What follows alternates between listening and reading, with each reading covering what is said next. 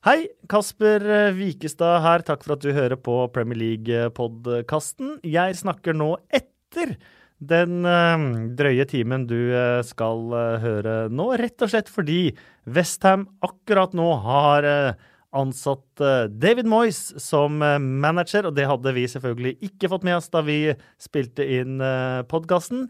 Resten av det vi prater om, skal være relativt up to date, så kos deg.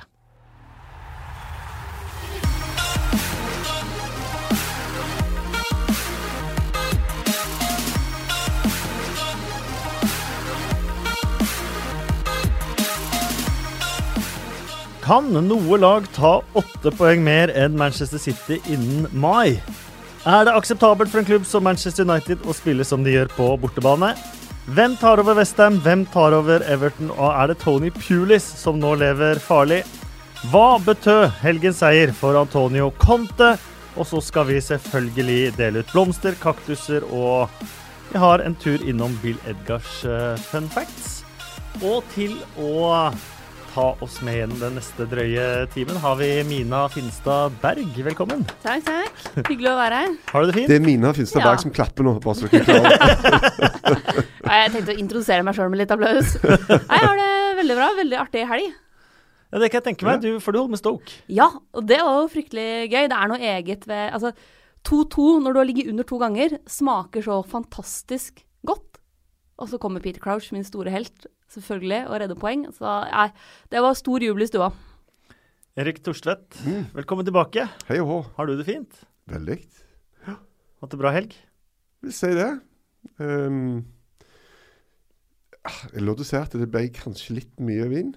Men um, det var bra likevel. Vin og fotball? Vin og fotball. Det er en god kombinasjon. Ja, jeg får veldig mye kritikk av Ole Eskil Dahlstrøm for at jeg drikker te og ser hockey. Oi. Det er ikke innafor? Nei, det er ikke innafor. Det Men uh, liksom Nei, nå setter jeg fra meg tekoppen, kaster hanskene og går i en slåsskamp, gitt. Veldig mange stygge episoder nå, det syns jeg, i hockeyen i Norge denne sesongen. Ja, det har vært det. Er det, er det altså, Har te en, er det en med... Uh, en faktor tror, i bildet? Jeg tror folk drakk mer te i hockeyen i stedet for å pese folk som drakk te. Så kanskje ja. vi hadde hatt, uh, hatt, det litt roligere. Ja, det har du noe. Du, det var en uh, bygget opp til å bli den største kampen i helgen, Chelsea mot Manchester United. Alle så for seg et fryktelig kjedelig 0-0-oppgjør hvor det ikke skjedde noen ting. Mm. Men så fikk vi faktisk en ganske morsom kamp. Ja, uh, jeg husker jeg satt liksom etter førsteomgangen og sa at det her er en av de mest underholdende 0-0-førsteomgangene jeg har sett på veldig lenge. Uh, jeg syns det var et liksom, herlig tempo i matchen. Det var kok tidlig. Og jeg syns spesielt Chelsea skapte masse, så jeg syns egentlig det var en, en veldig underholdende 0-0-omgang. Og så andre omgang ble jo bra, det nå. Ja. Og det, det er klart Når du har en Hazard i den formen han var den kampen, sammen med, med Morata, den dødelige spanske duoen med Aspilicueta til, til Morata, så, så, var det egentlig et spørsmål om tid, tenkte jeg, før det røyk for United. Og det så ikke ut som United hadde tenkt å score heller, så bare se på meg. OK, over to you, son. Uh, nei, altså uh, Jeg mener jo at United i denne bortematchen mot Liverpool uh, var jo veldig defensive. Kom for å ta det ene poenget. Jeg syns ikke det var så tydelig at det var sånn nå. Nei. Og nå er det masse sånn Ja, han må betale prisen for Uniteds og Mourinhos tilnærminger til bortekamper og sånt. Jeg, jeg syns ikke det var noe feil med denne tilnærmingen. Problemet var bare at Chelsea var bedre, rett og slett. Men, men, kom tilnærminga nå fordi Mourinho hadde fått med seg Manchester Citys eh, resultat og tenkte at ett poeng holder faktisk ikke, vi må ha tre her? Altså, Mourinho er jo pragmatiker. Han vil vinne for enhver pris. Så han vil gå inn i enhver kamp med den innstillinga. Jeg tror ikke at Mourinho gikk inn i Liverpool-kampen og tenkte at her vil jeg ha 0-0. Jeg tror han går inn for å vinne med de midlene han har tilgjengelig, og ut fra og bruker den taktikken som han mener vil være best til å utfordre Chelsea. Så hadde han jo tidligere uka sett et Chelsea som ble snurra rundt med av Roma, med et forholdsvis ustødig forsvar. Så jeg tror at han gikk inn med den intensjonen. Men så er jo hovedproblemet til Mourinho nå er jo at f.eks. Miktarian er i så begredelig form. Han mister ball, klarer ikke å skape noe offensivt. Og når, han er jo den som skal få ballen opp til Lukaku, som skal være den, den kreative drivkrafta i det laget nå. Men han har jo ikke vært god siden Pogba ble skada. Ja, er det kanskje det at det ikke er Miktarian som er dårlig, men eh, lagkompisene som eh, ikke er bra nok for uh, Miktarian? For det er, etter at Pogba ble borte, så har Lukaku forsvunnet, Miktarian har forsvunnet, og Miktarian også lykkes med veldig lite. Vi må vel si at den gode perioden til United fortsatte vel en liten stund etter at Pogba forsvant. Men det er ofte veldig enkelt. Det er det letteste å forholde seg til. Så alltid sånn Ja, eh, se når han forsvant ut, så begynte de å tape. Og se når han kom inn igjen, så begynte de å vinne. Og Noen ganger kjører vi de greiene, og så vinner de én kamp, så begynner de å tape igjen, og så snakker vi ikke mer om de greiene der. Men det er, alltid mye lettere å peke på de som ikke er der, istedenfor å peke på de som er der. Så jeg er helt enig med ditt poeng i forhold til Mkhitaryan. at uh, han var ræva dårlig. Var dårlig. Altså, I forhold til det han leverte i begynnelsen av sesongen, så er det bare mye, mye dårligere. Så kan du si ja, det er hans feil, andre sin feil. Lukaku igjen. Kjempevanskelige arbeidsforhold. Men hvis du spiller spiss på Manchester United, så forventer du at du skal gjøre noe mer enn det, selv når du har vanskelige arbeidsforhold. Det, det er litt av poenget med Lukaku òg. Noen sier at det bare er Lukaku som er dårlig. Andre sier at det bare er det at Lukaku ikke får den serveringa han skulle ha lenger. Det er jo en kombinasjon av de to. Ja. Lukaku er ikke like giftig foran mål nå som han var i starten av sesongen, og han får dårligere arbeidsforhold enn det han hadde i starten av sesongen. Ja, og hvis du sammenligner direkte med Morata, da, så, så, greier jo han å gjøre mye mer i resten av spillet. da. Han greier jo å motta ballen i vanskelige situasjoner med to-tre mann rundt seg, og likevel greier å holde på han. Uh, og, og Nei, det er liksom, det begynner jo, Med en gang folk begynner å gnåle med det greiene, med en gang du får sånn stempel som sånn tabbekeeper når du spiller 20 bra matcher, så gjør du en tabbe, så er det på han igjen. Og Litt sånn er det med Lukaku nå i forhold til disse matchene mot de beste lagene. Mm. Så lenge han bare fortsetter å spille uten å skåre, så kommer han til å liksom, Det der gnålet kommer til å fortsette, og kanskje til og med vokse. Og Det kan bli et, et problem for uh, Lukaku i forhold til hvordan folk ser på han, og, og standingen òg til og med internt i laget. da. For du må, når du spiller med Manu, så må du liksom levere i alle kampene. Du skal spille i store matcher, og det forventes at du leverer uansett om, om motstanderen er bra eller ei. Han hadde null touch innenfor 16-meter til uh, Chelsea. Mm. Romelu Lukaku. Uh, og det er jo der han er best. Ja, og han har 15 mål på da 54 kamper mot topp 6-motstand. Dette har vært innom i podkasten mm. uh, tidligere. Uh, så sammenlignet jeg med, med, Aguero, og det var jo nesten ikke en sammenligning engang. Fordi Aguero har 21 mål på sine 31 siste mot uh, topp 6. Og så uh, var jo da argumentet at uh, ja, han, Lukaku har spilt for dårligere lag. Han mm. har ikke spilt for topplag hele veien. Så fikk jeg en melding fra en som har uh, titta litt på det, f.eks. Vardi. Mm. han har 20 mål på 42 kamper mot topp 6-motstand. Um, Charlie Austin, fem mål på 18 kamper. Det er jo litt men, mindre statistisk men jo, grunnlag. Hvis du går inn og ser på Er det Mourinhos ti siste kamper, da? Er det det? Mot uh, topp, såkalte topplag? De har skåra ett mål. Ett mål? Jeg ett mål. Ja. Og da kan du si at ja, men City de pøser jo inn uansett. Sant? Og til og med Leicester skårer jo ja. inn ganske mye mål. Mens, mens lag totalt sett under Mourinho skårer veldig lite. Og da kan du si at ja, noe det er kanskje spissen sin skyld, men alt kan ikke være spissen sin skyld. Sant? Så det er jo et eller annet her med, med hele oppsettet mm -hmm. og måten de spiller på, som gjør at de eh, og, og, det tror jeg av og til at, at Mourinho syns er helt OK. Det gjør han ikke så jæklig mye. Skårer ett mål på ti kamper så lenge de får med seg poeng fra nesten alle. Men de har fått med seg fem poeng på de ti kampene. Ja, og det er for lite. Og så blir jo kontrasten så ekstremt stor, da, når du har denne blågjengen fra samme by som bare fosser av gårde. Men det blir jo litt feil da, da, det, da, er det mange lag og managere som skal få slite hvis alt skal måles opp mot Manchester City. For det er utenomjordisk, og det går ikke. sant? Men det er klart at um, fans liker jo ikke at, uh, å se at den fra samme by, til og med. Man United skal jo ha verdensherredømme.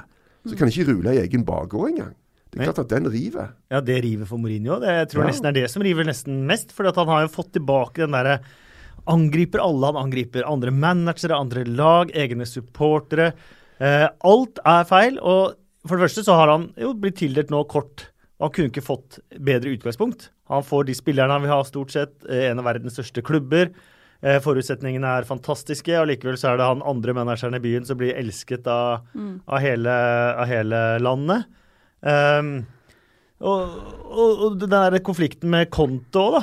Det, altså, men dette kom det ennå en forferdelse. Og det sa jeg altså når han fikk jobben han kommer vinne en haug med pokaler underveis, og det har han jo gjort allerede. Mm. Men det kommer jo til enda med med kaos og rør og Men det sparking. gjør det jo alltid, Ja, Hos, alltid. hos Mourinho. Sant? Og det er jo noe med den stilen han har som manager òg, at det blir konflikt på et eller annet tidspunkt med noen. Og så har det vært spekulert mye i hvor mye av dette er taktisk fordi Mourinho ønsker å ta fokus vekk fra spillere som er under press, at han da heller sjøl hiver seg ut i det, og hvor mye er bare den personen han er. At han er en litt kranglevoren type.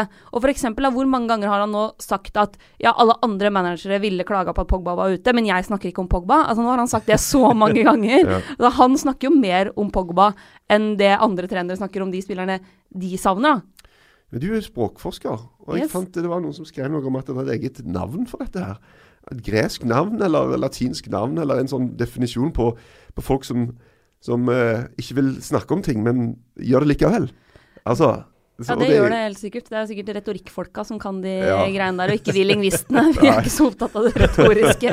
Du husker ikke det greske navnet? Nei, jeg gjør ikke det, ass. Det, jeg satser alt på at mine kunne det. Men det gikk jeg bare, gitt.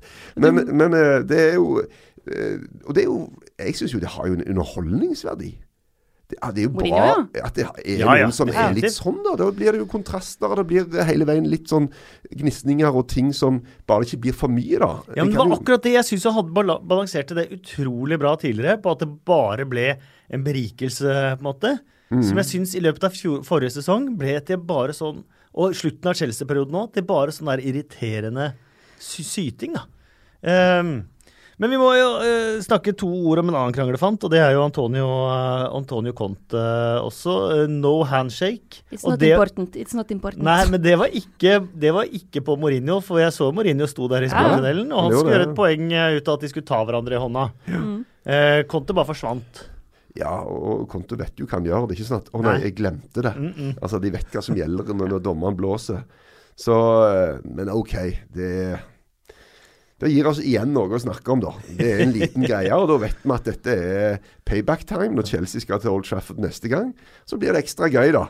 Å se om, eh, om det blir handshake den gangen. Da kommer jo alle til å følge med. Og eh, Men fikk dere med det lille stikket til Mourinho? Jeg tok assistentmanageren i hånda, og det går det for det samme. Ja, ja, ja. Stemmer det. Ja. Den var fin, Og synes jeg. der syns jeg Mourinho er god. Da. Sånt er, eh, det kan jeg ha sans for. Men Conte fikk jo gjenreist litt av æra si etter eh, fadesen eh, mot Roma. Så da sitter vel han foreløpig det har, jo- det har vært, i hvert fall italiensk medie, det har vært masse spekulasjoner om at Conte snart er ferdig i, i Chelsea, og at AC Milan allerede er i kontakt med han, og at han liksom vil tilbake til, til Italia. Men jeg vet ikke liksom, e- Etter en sånn, den sesongen han hadde i fjor Jeg tror at Conte har et poeng å bevise i Chelsea i år igjen, da. Så jeg tror at liksom han er veldig interessert i å få dette til å funke, og han er ekstremt interessert i Champions League-tittelen. Det klart, For han som italiener det, det er pinlig. Altså Det er Ja. flaut for han å dra til Italia med den gjengen som han dro med sist, og sånn som de gjorde. Det er, den er liksom, det er ikke bare et vanlig tap der, altså. Liksom foran eget folk å presentere de greiene der. Men etter sånne kamper så kommer det ofte en backlash, da. Og jeg synes jeg tydelig så at det var noe, altså, totalt fra en annen planet, det som sprang utpå mot, uh, mot United. Uh, og Conte sitt problem denne sesongen blir jo at han må da vinne en av de andre. Han må vinne en av cupene, da. Det er jo Champions League som tydelig har vært hans eh, fokus, og den bortekampen mot Atletico Madrid. Den beste enkeltkampen til en engelsk lag jeg har sett på mange år. Da ble jeg, helt, da, jeg ble så imponert under den kampen. Og det er Ja, Atletico Madrid har ikke den beste sesongen i år, men likevel. Det er et lag det er fryktelig vanskelig å spille ut totalt på den måten som Chelsea gjorde i den kampen. Vi må eh, også da Du snakka om backlash etter Roma-kamp og sånt nå. David Luiz. Han fikk smake på backlashen. Har han en framtid i klubben? Eh, kanskje, var vel egentlig svaret Conte ga på det. Eh, en merkelig situasjon, men eh, David Louis viste også hjemmekampen mot Roma veldig misnøye med at han ble bytta ut. Det har vært, det har vært ting der som har ulma, kanskje? Det, og det er helt klart. altså Conte sier at nei, dette er en, en taktisk vurdering fordi vi har gode unge spillere som fortjener en sjanse. Men altså, du gjør ikke det mot United i en sånn storkamp. Så er det ikke da du bare tenker at nei, men, men han 17-åringen fortjener å få sitte på benken. Da vil du ha alle dine beste spillere tilgjengelig i et sånt type oppgjør. Så det er helt klart at dette er jo ikke taktisk. Det er ikke fotballtaktisk grunnen som er grunnen til at David Louise sitter på tribuna i den kampen. Og hva som foregår der, er eh, Ja, eh, jeg ville vært ganske stressa hvis jeg hadde vært David Louis. Hvis du først liksom havner på gærne sida av kontet, så tror jeg det er vanskelig å komme deg tilbake igjen. Han, han eh, Det er jo ikke synd på David Louis, føler jeg. Altså, han lander på beina uansett. Altså, det er klubber over hele verden som står i kø for å få David Louis. Og jeg syns jo han var veldig bra i fjor. Ja. Forrige sesong i forhold til det systemet som de spilte og sånt. Han, var perfekt for han. Han lå akkurat der han skulle og bare ja, Veldig bra. Så jeg håper at det fikser seg, og jeg går ut ifra at det gjør det. For at eh, jeg ser at klubber i, fra hele verden står i kø, men det er styr, da. Så driver og fl- flytter klubb og De er på en toppklubb og tjener enormt mye penger. Det er sign-on-fee, da. Ja, ja. Men det er liksom Nei, jeg, jeg tror denne greiene der fikser seg, men det er jo klart at det er ikke Conte som gir seg. Det er jo David Louis som eventuelt må be om unnskyldning, eller det som kreves, da. Det var en lignende situasjon oppe i Everton. Ganske tøft gjort av eh, David Unsworth å plutselig hive to mann ut av troppen, da. Rett før den matchen som var nå. Eh, og så er han jo heldig, da, så at han får liksom på en måte uttelling. Og Da står du igjen som en virkelig vinner, når du har tatt en sånn tøff eh, disiplinær avgjørelse. Og så, eh, og så lander du på, på begge beina med hendene over hodet. Altså. Så veit vi jo ikke hva som egentlig har skjedd her. Hva er det da Louise har gjort mot, mot Conte? Jeg har i hvert fall ikke klart å plukke opp noe sånn håndfast der. Men jeg må innrømme at jeg, at jeg syns jo det er litt deilig at noen setter setter et par av de fotballspillerne på plass litt innimellom. For det er klart at en del av dem er nok kanskje litt i overkant høye på seg sjæl, eh, og er litt overkant eh, verdensmester i eget hode. Og du skal ha ganske mye guts som trener for å sette en av stjernene på sidelinja, ja, hvis du mener at de ikke har oppført seg ordentlig, da. Gjorde du litt det samme med Diego Costa forrige sesong, mm. eh, Conte. Så, men vi må eh, også snakke om eh, da eh, ligaens suverene serieledere. Manchester City de slo Arsenal eh, 3-1. Én var kanskje litt heldig på et par av uh, målene, men uh, seieren kan ingen uh, diskutere. Sergio Aguero ble hyllet før kampen med sine 178, som ble til 179 mål. Datteren til Eric Brooks sto der. Hun så ut som hun var 110 år, minst. Og superlykkelig. og superlykkelig. Hun gråt jo da hun ga Åh, denne. Så nydelig. Ja, det var veldig, veldig fint øyeblikk. en av klubbens største ikon gjennom hele historien nå. Tenker du på Aguero? Aguero. Ja. Ja, altså er nærmest liksom tatt han litt sånn for gitt på en eller annen måte. Er det ikke noen sånne syke greier med at han alle har vært månedens spiller? Alle har vært på eh, sesongens lag? Han har vært på sesongens lag én gang. Ja. Aldri vært nominert til årets spiller. Ja, sant? Eh, og, Helt sykt. Og, og det Ja, veldig rart. For han, han er en sånn type som Hvis du bare Det er enkelte sånne spisser som er sånn OK, det kan gå litt opp og ned, men lar du spille alle kampene alltid, Mm. og så regner du sammen til slutt, så blir det så sykt mye mål av det. Han, Og han er en sånn type greie, da. Ja, men det var jo det jeg har sagt her før også. Forrige sesong var han jo eh, Sju kamper var han ute med karantene, og han hadde en dårlig sesong. Ja. Ble til og med vraka på benken. Han skåra 33 mål. Ja. Ja. Og det som er så gøy med å se Aguero, er at han er en, en sånn type spisstype som bare er en fantastisk god avslutter. Ikke sant? Altså, og det trenger ikke alltid å være det liksom, mest fancy, det mest eh, liksom, elegante osv., osv., men han er en såpass så god avslutter at når han er i form, så er det ingen i Premier League som matcher hans nivå, mener jeg da. Harry Kane er der innimellom, han også, men, men jeg mener at det er toppnivået til Aguero.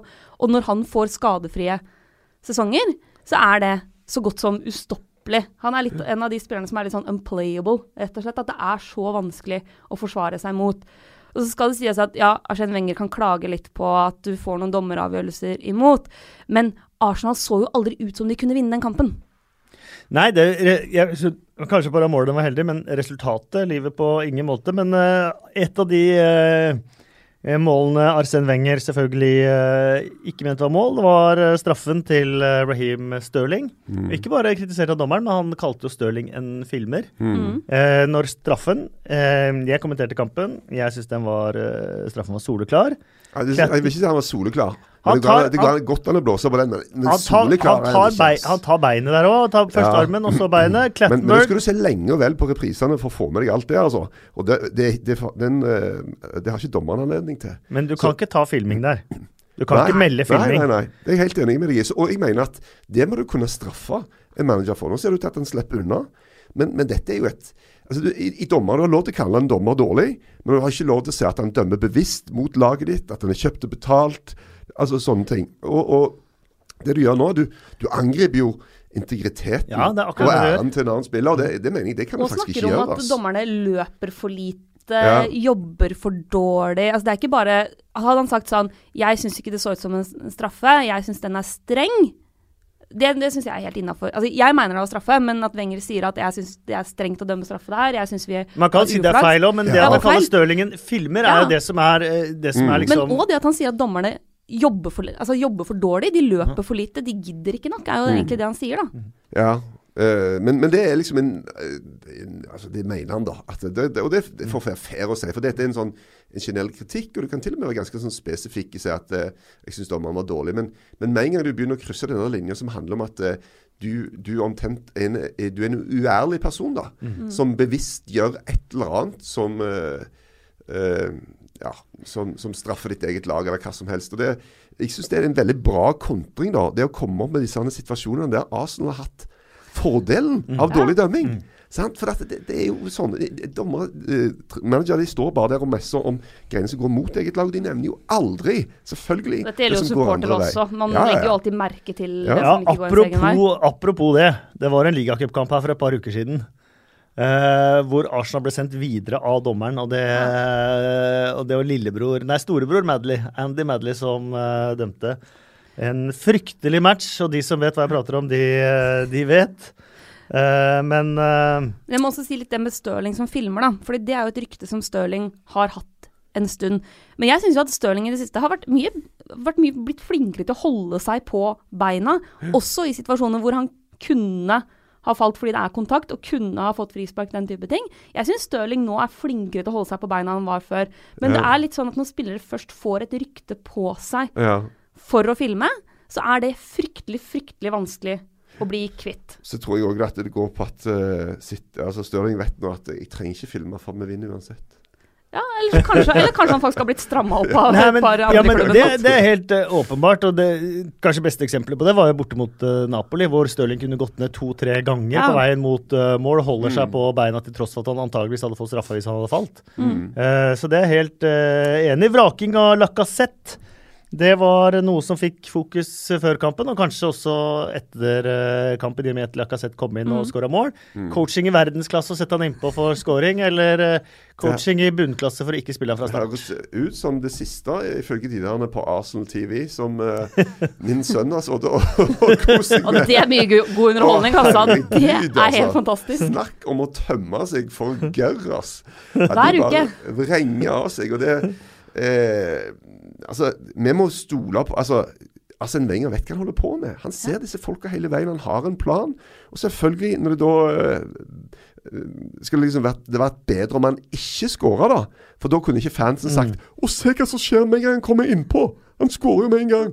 Så eh, Nei, dette er søren jeg. Men, men de, de, jeg syns jo Arsenal bør ha ulike tilnærminger i forhold til hvem de spiller mot. For at, eh, så lenge de kan få spille sin uh, Tiki Taka possession-greier og, og springe rundt med folk, så kan de jo ha utpå mange av disse sånne teknikerne som er flinke til det. Og så må de ha utpå litt mer steinblokk og litt mer eh, Altså Sjaka og Coquelin og altså, Som de jo borte mot Chelsea. Når de spilte 0-0, der alle var sånn Ja, det er sånn Arsenal Ja. må være når de skal Ja. spille sånn. Ja, ja, ja. Sant? Og det, men, men når det da plutselig ikke lykkes, f.eks., så er det jo eh, andre veien igjen. Så Dette søren jeg, men eh, vi må Altså, det, det sitter i laget er eksepsjonelt. Altså, vi må bare innse det at dette er litt sånn fra en annen planet. Og det betyr ikke at de andre lagene ikke skal ha ambisjoner om å slå dem, eller at fansen har lov til å bli sure når du taper mot dem. Men likevel, altså, lista ligger der, da. Og da er det mange andre lag som kommer til å måtte betale en høy pris for å spille mot de oss. Manchester City de har altså pluss 31 mål i målforskjell etter 11 kamper. Det er det kun Sunderland som har hatt bedre i 1892. De hadde pluss er 32 Nei, mål. sesong, de, da. Ja, det var det. Og Preston var eh, en Invincibles i den aller første sesongen i 1888-89. Mm. Eh, da de vant uten å tape en eneste kamp, og da hadde de pluss 33 mål etter de første 11 kampene. Men da var det Eh. 65 lag i ligaen, var det ikke det? Nei, det var 12. Original 12. Klar, hvor mange av de klarer du? Ja, det spilte jo sjøl på den. Ja, du gjorde det. Ja, du. ja. Du hadde en god sesong, hadde du da. ja.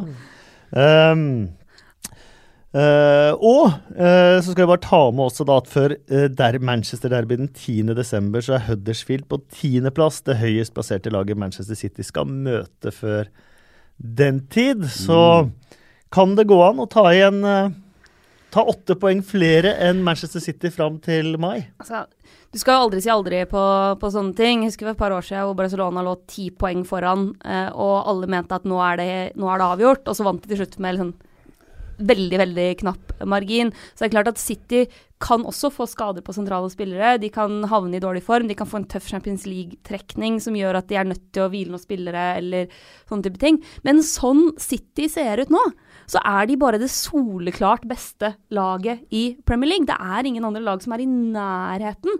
Og noe av nøkkelen ligger jo bl.a. i den målforskjellen du nevner. Fordi selv på dager hvor City ikke klarer å holde nullen, for du har jo hatt flere kamper hvor de faktisk har slippet inn mål, så skårer de Du har et lag som Det er nesten det vanligste er at de skårer tre mål eller mer, da.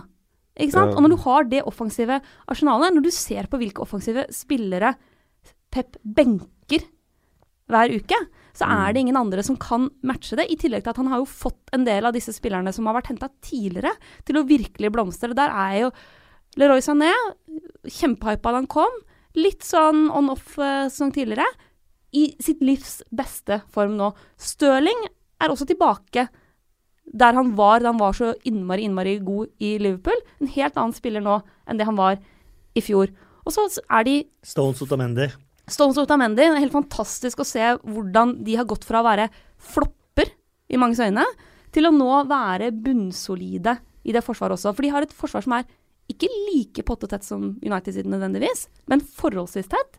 Og så skårer de tre mål eller flere i halvparten av kampene sine. Mm, men- Mer halvparten, gjør de ikke det? Ja, de, altså de har jo Men de har noen sånn 7-2-kamper og sånn som selvfølgelig trekker det Ja, ja. voldsomt opp, da. Men jeg kan nesten ikke huske sist altså Wolverhampton var jo en merkelig match. Det var Wolverhampton Ja, ja. var dritbra. Og Wolverhampton hvilte flere spillere enn Manchester Ja, City gjorde. Det var helt sykt. De var bra, altså. Ja, de var det. Det, var liksom, det var en sånn wow, går dette an? Mm. Men ellers kan jeg nesten ikke huske en kamp City ikke har skåra tre mål. Nei, det er 1-1 mot Everton. Ja, det er Everton Ja, jo, men, men selvfølgelig. Ja. De var jo ti mann, da. Ja. Og de så ut som, som eh, 12 mot 10. Ja. ikke Så, 10 men, mot men 11. når du skal spille mot City nå, så litt sånn som når- Når jeg var på landslaget i begynnelsen, så var vi ikke veldig gode. Vi var godt organisert defensivt, mange bak ballen.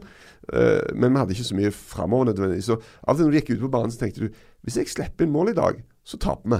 Mm. Altså, og når du skal spille mot City, så er det litt sånn Hvis ikke vi skårer tre mål i dag, Ja. så taper vi. Ja. Det vet du på forhånd, liksom. Fordi, fordi jeg, jeg tenker at liksom de andre lagene hvor, Hvordan er tilnærminga til når du skal møte det angrepet der? Altså, hva, er, hva er strategien for å prøve å stoppe det? De har så mange strenger å spille på offensivt. da At det er ikke liksom Det er ikke bare én vei til målet der, det er 15. Og Hvordan legger du opp en defensiv taktikk som for å møte det der? Jeg syns Arsenal var inne på noe, jeg. med det høye presset. Prøv, for du vet at eh, Stones, Otamendi, Ederson og bekkene de vil ikke slå langt nesten uansett uh, hva. De spiller heller Ja. uh, one touch inni egen femmeter enn å slå langt. Så jeg syns de var inne på noe. om. Men, Men eh, de ble jo kontra på noe men de ble jo kontra på. Du, du må gjøre det, klare å gjøre det enda mer kollektivt enn uh, en det de, gjorde. Og det er litt poenget at. City nå har både spillere som er fantastiske i kontringsangrep, og de har spillere som kan skape ting i angrep mot etablert Mm. forsvar. De har eh, frisparkføtter som er glitrende. De har eh, Otamendi og andre på dødball som eh, er eh, en evig trussel mot mål. Så det, det er så mange offensive strenger å spille på. Så det finnes ikke én fasit på hvordan du skal møte det. Men Arsenal kanskje er inne på noe. Nei, så har de, de har mye større på, Hvis du ser på benken, da, så er det en helt annen klasse enn det de har hatt tidligere. Så de kommer til å tåle litt skader, og det kommer de sikkert til å få. Men de har, har folk å, å sette inn, og, og folk som kanskje rett og slett eh, trenger litt spilletid òg, da. Sant? For de er dritgode, de er verdensklassespillere. Og, og sånne må du òg la få få- Ikke bare få fem minutter her og fem minutter der. Altså. Det eneste som gir meg bitte, bitte lite håp om en spennende liga, som er det jeg aller helst vil, det er jo eh, Sørafrikanske og eh, spanske spillere når det blir sånn eh, to minus og Og de skal til Stoke. og de skal spille annenhver dag, men eh, jeg ser jo at det også kanskje kan bli eh, vanskelig. Tottenham eh, kom fra en fantastisk seier mot eh, Real eh, Madrid. Var ikke helt det samme å møte Crystal Palace på Wembley for et ikke fullt eh, stadion. En del spillere som ikke spilte, som fikk spille nå. Uh, var jo da rundens største favoritter. Um, Tredjekeeperen inn, men de klarte nå å dra i land en 1-0-seier like, likevel. Det var en tenners gnissel-match, altså. Men jeg følte på forhånd for det. Én ting er det at OK, du kommer fra Champions League, men det har de gjort tidligere. Og har vært ganske bra på det denne sesongen. Men dette var en spesiell match. Altså, Jeg var på, på Wembley på den Real Madrid-matchen, og det var liksom litt sånn altså, det, var, det var så snakk om at dette var sånn vannskille for engelsk fotball. og Det, var, det, var så, det var så enormt mye, da. Og så er det til, til Palace, som du sier, neste gang. Og det er et Palace-lag som har vært mye, mye bedre enn det tabellsituasjonen, antall mål som de har skåret, uh, tilsier. Eh, så Tottenham hadde rett og slett blitt litt flaks her, altså. Så får du, og det ser du litt med, med at Tottenham har jo ikke i nærheten av den samme bredden i stallen. Altså de Erstatterne som kommer inn i Tottenham, er ikke i nærheten av de erstatterne som kommer inn i City, f.eks. Hvis man skal sammenligne, sammenligne de. Og når du da får noen skader på, i sentrallinja, som du jo rett og slett uh, får inn til den kampen, så er det Altså, jeg syns Palace var gode. Uh, Ja. Det kunne like gjerne vært eh, 1-1. Du har et par kjempesjanser der. Så altså, Tottenham Men Tottenham imponerer ingen i den kampen, men får med seg tre poeng allikevel. Ja da, en dårlig dag. Og det er liksom sånn, Når du ser eh, sånn som Aurier som kom inn, og alle syns første matchen Wow, dæven, han var bra, og sånt. Og så. Altså Det er mulig Pochettino greier å få skikk på han, men akkurat nå så er det altfor mye rart. ass. Mm. Det er, han er en løs kanon. Og eh, hvis det fortsetter sånn, så tror jeg han blir sendt videre. Um, Dele Alli var ute, det var merkbart. Han hadde nok kanskje spilt hvis det ikke hadde vært for at det var landskamppause etterpå. De gjerne ville at han skulle slippe å spille de Ja. Nå De er både han og Wings og Kane ute av uh, troppen. Ja, uh, for Kane trenger en pause, Ja. kanskje. Det så i hvert fall litt sånn ut uh, nå i, nå i helga. Men det er klart, altså Kane spiller jo alltid når han er klar for Tottenham. Og han spiller veldig veldig ofte 90 minutter. Så det at han får seg en liten uh, hvil nå, tror jeg ikke er dumt, altså. Jeg sitter og tenker på det her alle gangene jeg har sett Kane, både før han ble god, uh, og det U20-VM-et, så var, var det nede i Mexico eller, eh, eller hvor det var, var, var helt ingenting. Og det samme U21-EM nede i Tsjekkia også. Da kom for en fantastisk sesong. Helt, helt ingenting.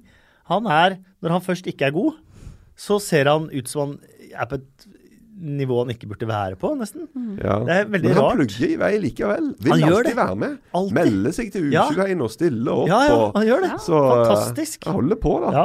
Men det er jo det som, som skiller han fra For det er klart at nå var det mye sammenligninger med han og Benzema, f.eks. Uh, Geir Lineker sendte ut en, en tweet som det ble oppstandelse av nede i Spania. ja, Rett og virkelig. slett. At det, skulle liksom, det er sånn, ganske uskyldig. Ja, Benzema syns ikke han gjør så mye når du spiller på et sånt lag, så bør Men du skåre ble en så del mål. djupt såra, Ja, og det er så tungt, og det er så vondt. Og en spiller som sjøl selv har vært i en sånn sårbar situasjon, og Zidane på pressekonferanse Det er ganske sykt, da. Mm. Uh, så men, men jeg, som en direkte sammenligning, den matchen mellom Real Madrid og Tottenham var det i hvert fall altså, Harry Kane skåra jo ikke, men han var jo helt fullstendig på en annen planet Ja. enn Benzema. Ja. Altså Han gjorde så mye bra greier. da Og Det, det syns jeg er litt fint å se at en spiss som ikke nødvendigvis skårer mål, likevel kan du se at fy filla, han spilte bra. Altså. Og har jo en arbeidsmoral og arbeidskapasitet som Mm. er eh, enorm. eh, mens andre spisser ofte sånn surner litt når det butter og, og Altså, hvor mange spillere hadde ikke surna av hele den der august-forbannelsesgreia, Wembley-forbannelsen, og Kane blir spurt om det dag ut og dag inn når han ikke scorer. Det er ganske mange stjernespisser og spillere som ville surna da. Men Kane gjør ikke det. Han bare sier at Kasper krøp sammen i stolen, for han har spurt Harry Kane om dette mange Ja. ganger. Jo, men, Harry, men, det, det, det, men se for deg liksom at Og han tulla deg med det på Twitter og alt, han. Ja, men se for deg liksom at eh, det hadde vært Ronaldo eller Suárez nå, da, som er i begredelig form, liksom. De hadde surna og begynt å, å bli mer og mer frustrert, og du hadde sett det på bana. Kane er mer sånn Nei, nei, men neste kamp løsner det, og jeg skal fortsette å jobbe, jobbe hardt. Så hadde vi Gassa tilbake på Wembley for Tottenham. Ja. Eh, En keeper denne gangen, Gazzaniga. En, Du, en, en, litt, en overgang som jeg i utgangspunktet stusser bitte litt med. For- ja, for den må du fortelle, for den har du fortalt her på podkasten før. Men for de som ikke har hørt, Ja, hørt det, Gassaniga så kommer fra en uh, liten landsby i uh, Argentina som heter Murphy. Der bor det 3500 innbyggere. Og blant annet så bodde uh, Pochettino der før. De kommer fra samme landsby. Bitte, bitte liten sted.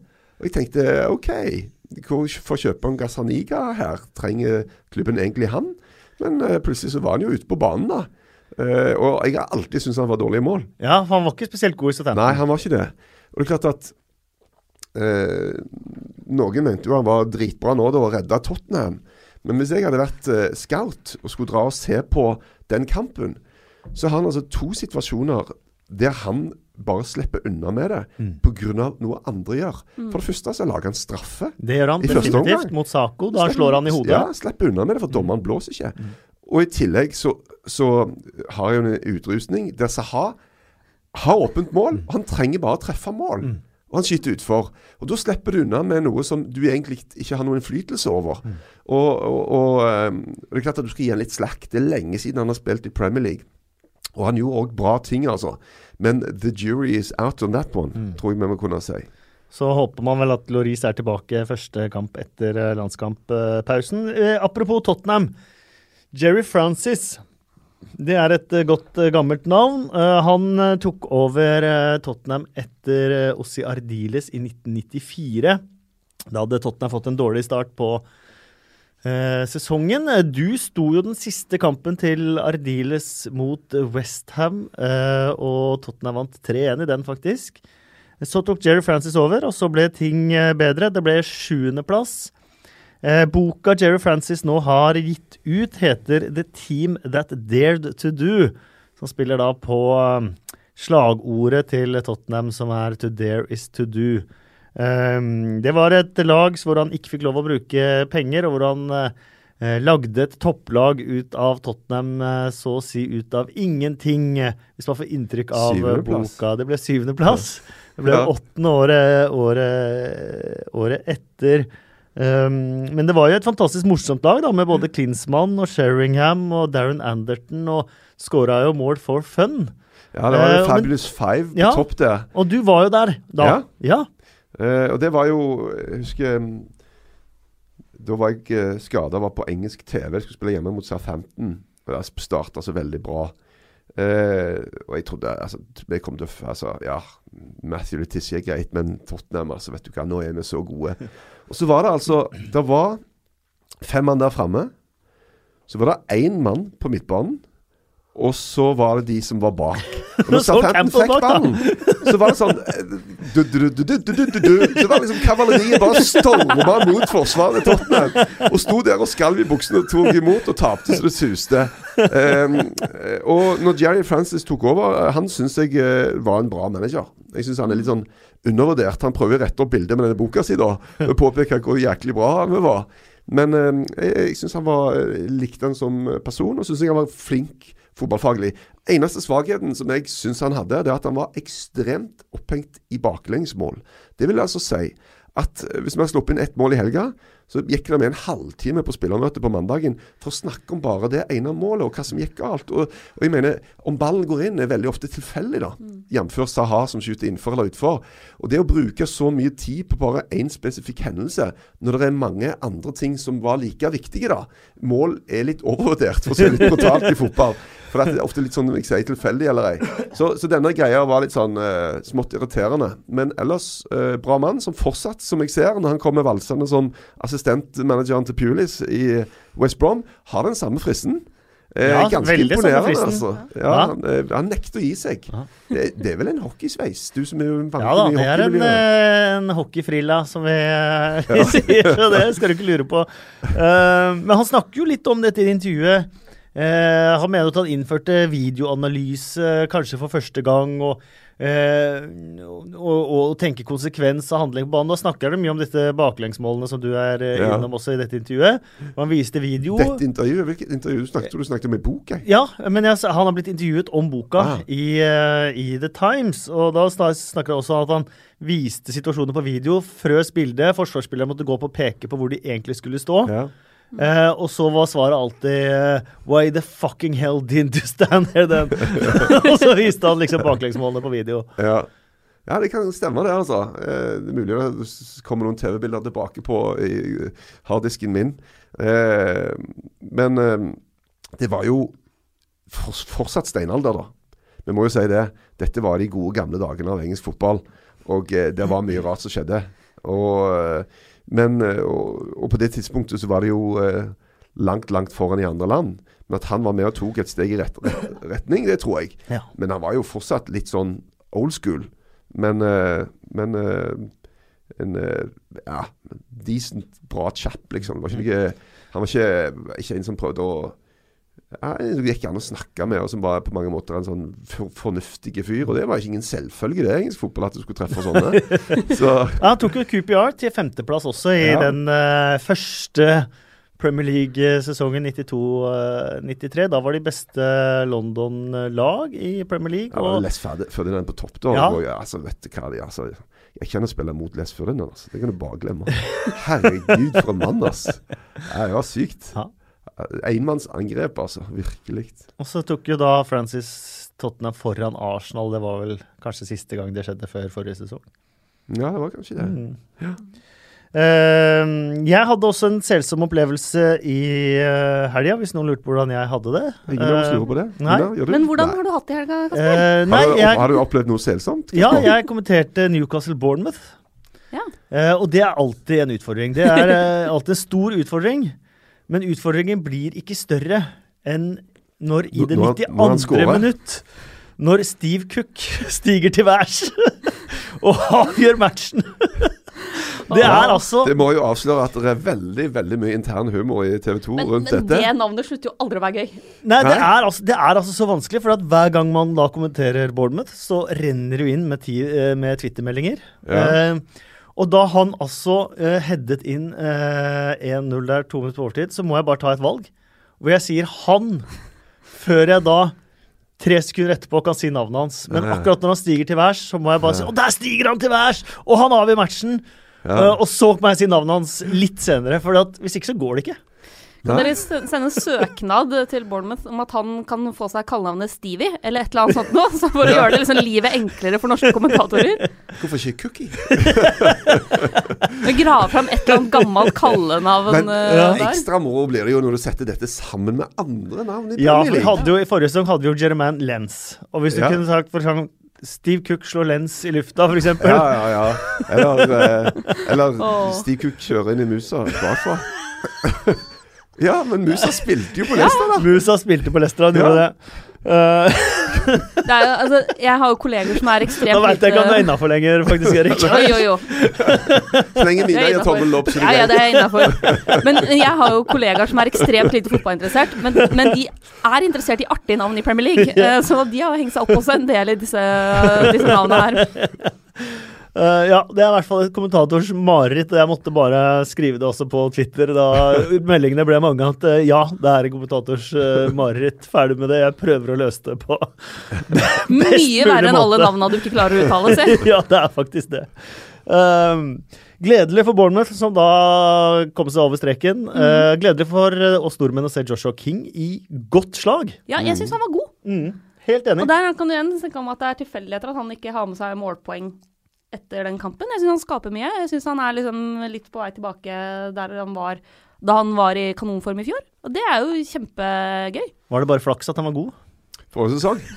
Nei, nå. nå. Hvordan går det med beefen din med Joshua King? Nei, altså ja. Hvis vi skal begynne å se på hvor mange mål det har blitt, så er det jo for så vidt det er den diskusjonen parkert. Men, men, men eh, greia var altså 31.12.2016 så hadde han jo to mål. Ja, det er Så alt kom jo på slutten. Sant? Så, og, og, og det kan jo fortsatt gjøre. Hovedproblemet har jo vært at Bournemouth har skapt så veldig lite. Sant? Og, og du kan være så god spiss du bare vil, men når du som lag nesten ikke greier altså Du får av gårde veldig veldig få avslutninger på mål, da. Og det er jo litt sånn at skal du vinne i lotteriet, så må du i hvert fall kjøpe lodd. Du må i hvert fall greie å få av gårde avslutninger på mål. Så, og det, men, men eh, den gjorde utrolig mye, den seieren der. For Ja. å ligge nedi der og kave, det er ikke gøy, altså. Og Nå er det litt mer selvtillit, og nå tror jeg du har Burnley hjemme neste gang. Og det, Enklere kampprogram fra ja, før òg. sant? Men jeg, jeg Er mener at Burnley på samme antall poeng som Liverpool-Arsenal, mener dere? Ja, Burnley Ja. er så fantastisk gode. Men et lite poeng til Joshua King. Altså, jeg mener at den sesongstarten han har hatt nå, viser jo også hvor riktig det var av han å bli i Bournemouth i sommer. For han var jo rykta til en del større klubber, som er naturlig når du har den vårsesongen han hadde, hvor han bøtta inn målet. Han var rykta bl.a. til, til Tottenham. Tottenham og? Jorente har knapt spilt et minutt. Så, men, men det er klart at i Bournemouth, nettopp fordi han hadde den sesongen han hadde i fjor, fordi han har vært veldig tydelig på at han ønsker å bli der, Eddie Howe og han har et godt forhold, gjør jo at han har jo mye mer slack i Bournemouth enn det han ville hatt hvis han hadde gått for en liksom, eh, i norske øyne da, rekordsum eller en veldig høy sum til en annen større klubb. Så ville man jo forventa han skulle gjøre. Da ville han vært en flopp nå. Mm. Sant? Mens i Bournemouth så er folk mer tålmodige. De har sett hva han kan levere før. Han har en høy stjerne blant supporterne og har en manager som tror på han. Så jeg tror det, det her bare viser hvor riktig det var av King å ikke bli liksom asa opp til å skulle, skulle liksom snakke opp alle de ryktene ut og alle de greiene der. Men bli der hvor det har funka før. Og uten å konkludere altfor mye, så syns jeg han passer veldig mye bedre sammen med Callum Wilson enn Jermaine Ja, ja. Det er det ikke noe tvil om. Det var et av problemene var at uh, de får komme inn, og de har enormt mange spisser, da. Har De har jo enormt mange spisser. mye spisser, De fikk jo to spisser skadd sist, da, så det var Ja. bra at de har uh, noen flere. Ja, men, men det Eh. der med, med Det er mye Altså, Joshua King kom til slutt til å skåre mye mer mål sammen med eh, Callum Wilson eller Afobi Mm. enn han gjør med Jermaine Defoe. Det er garantert. Altså. Defoe har vel da to eller tre mål på sine siste 3-24 kamper uh, i, eh, som han har spilt, så det er jo uh, Ja, um, bare for å ha slått fast det. Westham mot Liverpool. 1-4 ble det vel til slutt eh, der, faktisk. Eh, Gøy å se noen Altså, jeg vet ikke hvem som kontrer raskest av City og, og Liverpool. Men Eh, det går unna, ja. det går unna. Oh. Det er bare helt sykt å se på. Og Sala, hvis du ser det første målet og Når Sala løper, så ser han ut som en tegneseriefigur. Ja. Fordi det er sånne der bein som går som trommestikker. og det mener jeg altså, Man har snakka mye om hva som har vært de beste overgangene og sånn i år, men det er, vel, det er sjelden jeg ser en spiller som passer så perfekt inn i en spillestil. Fordi Sala passer så godt inn i den måten Klopp vil spille fotball på. da. Og det er klart Når du har han og Mané på hver sin kant De har jo ikke fått spilt så mye sammen pga. skadene og utsendelsen til, til Mané. Men det er klart at da har du et kontringsvåpen som er helt fantastisk. Og jeg synes, altså Sala er jo en spiller som er, han er fryktelig god. Rask, kvikk. Litt rotete i spillestilen. Men det funker i Klopps liksom, kreative, offensive kaos. Så funker det godt, da. Så jeg syns liksom, den matchen her er så ekstremt god. Og det syns jeg er gøy å se. Altså, jeg syns Salah i Liverpool er veldig artig å se på.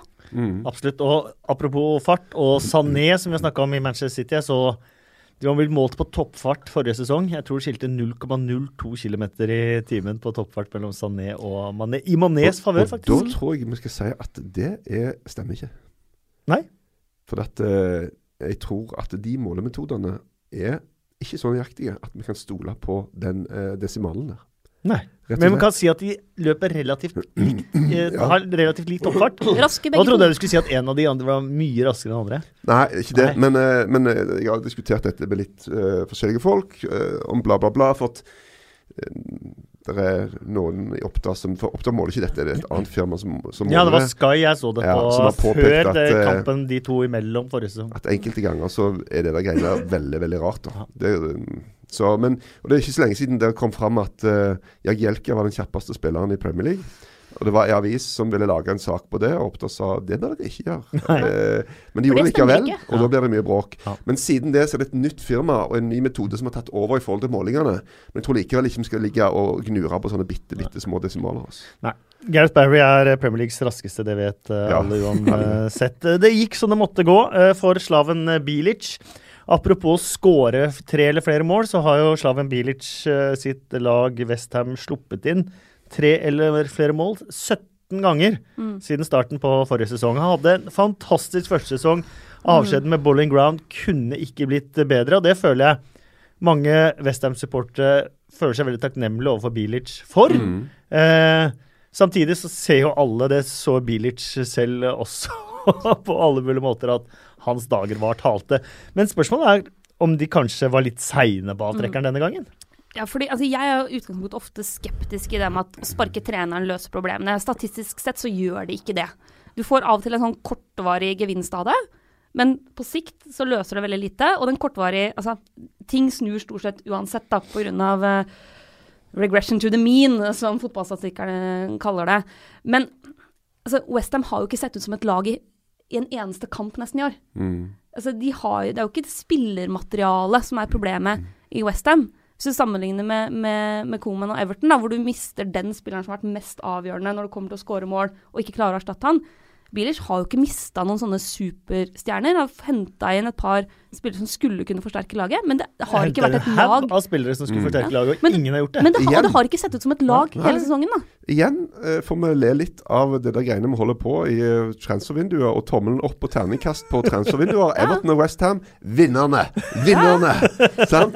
Og, og, eh, men, men jeg så nettopp en sånn litt sånn artig greie som viser at det var ingen Westham-manager som har hatt høyere poengsnitt enn Bilic. Av de Men, da- men så kan du si at Ja, men du kan, da, da, liksom, da kan vi ikke si Ja, han er den beste de har hatt. Det er bare tull, for de har brukt sykt mye penger. Og de har liksom forventningene. Hvor ligger lista, liksom?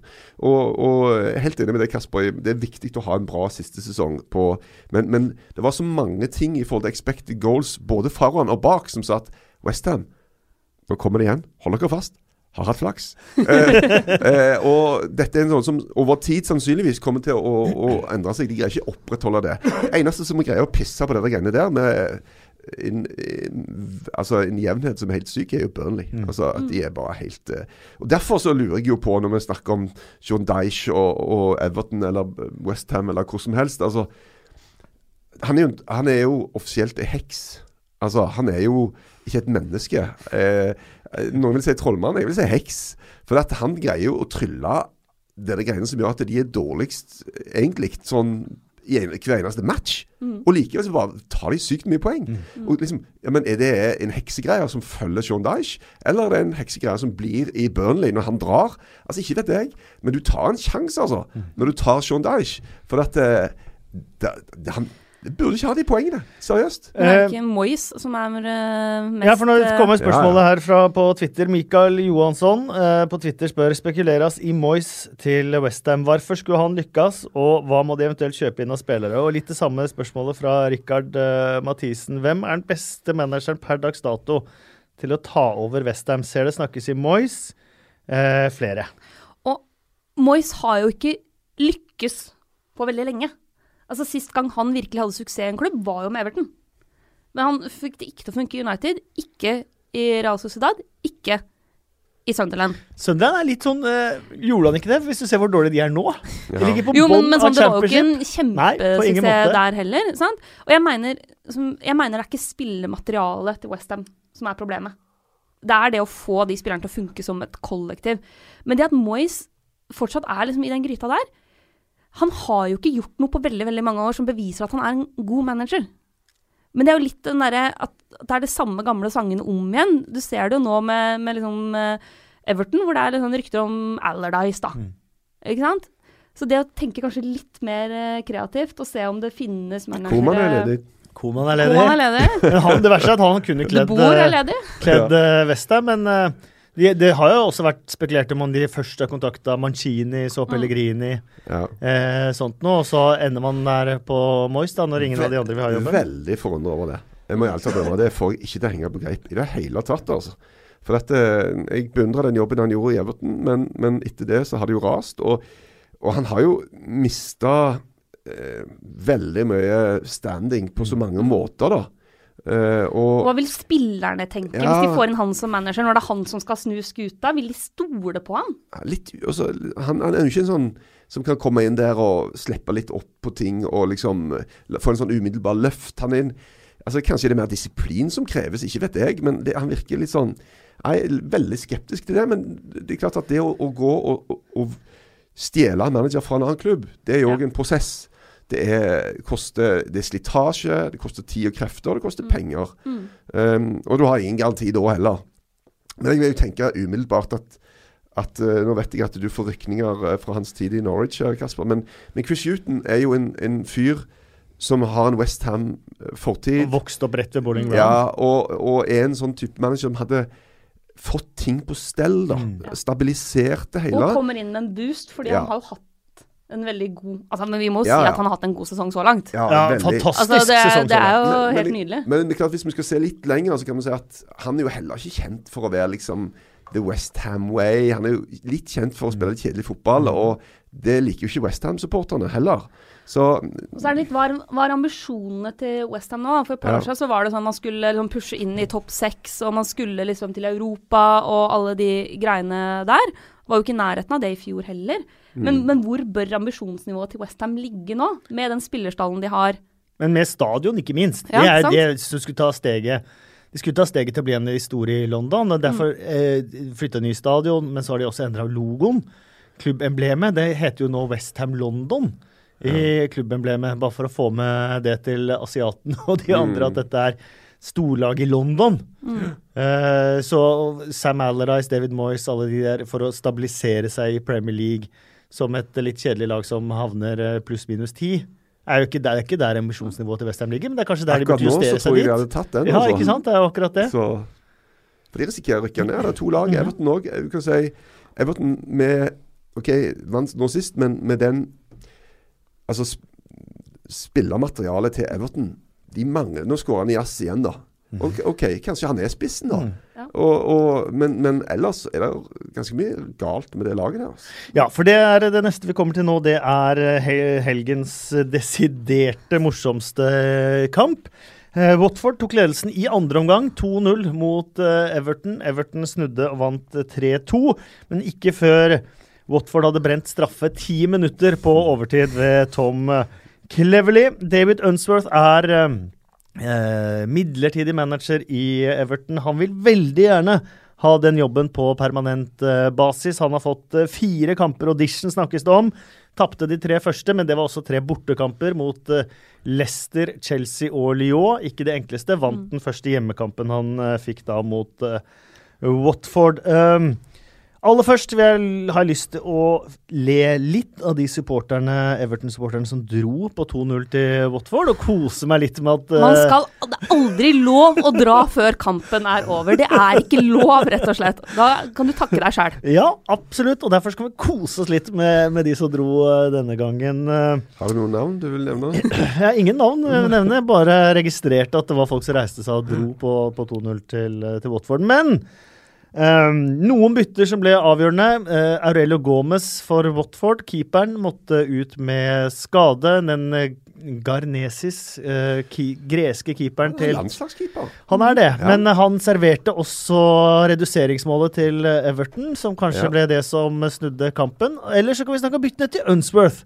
Han Mm. satte innpå Luckman, som hadde assist på 1-2-reduseringa. Han satte Nei, 2-2-utligninga. Han satt innpå Calvert Lewin, som scora 1-2. Og han satt satte inn på Lennon, som fikk straffe til 3-2. Mm. Eh, tre gode bytter, og da tok han annet ut Rooney, altså. Mm. Det er klart han skal ha jobben når han gjør sånne bytter. Nei, men det er Men her kan vi igjen vi er om betalt for å diskutere i denne podkasten. Ja. Men her kan vi igjen snakke om det som eh, jeg var inne på i stad, med, med flaks, som faktisk spiller en ganske stor rolle i fotball. Nå får han første hjemmeseier, første seier som caretaker manager, men den straffa på overtid, det er jo en, rett og slett en ganske elendig straffe. Sant?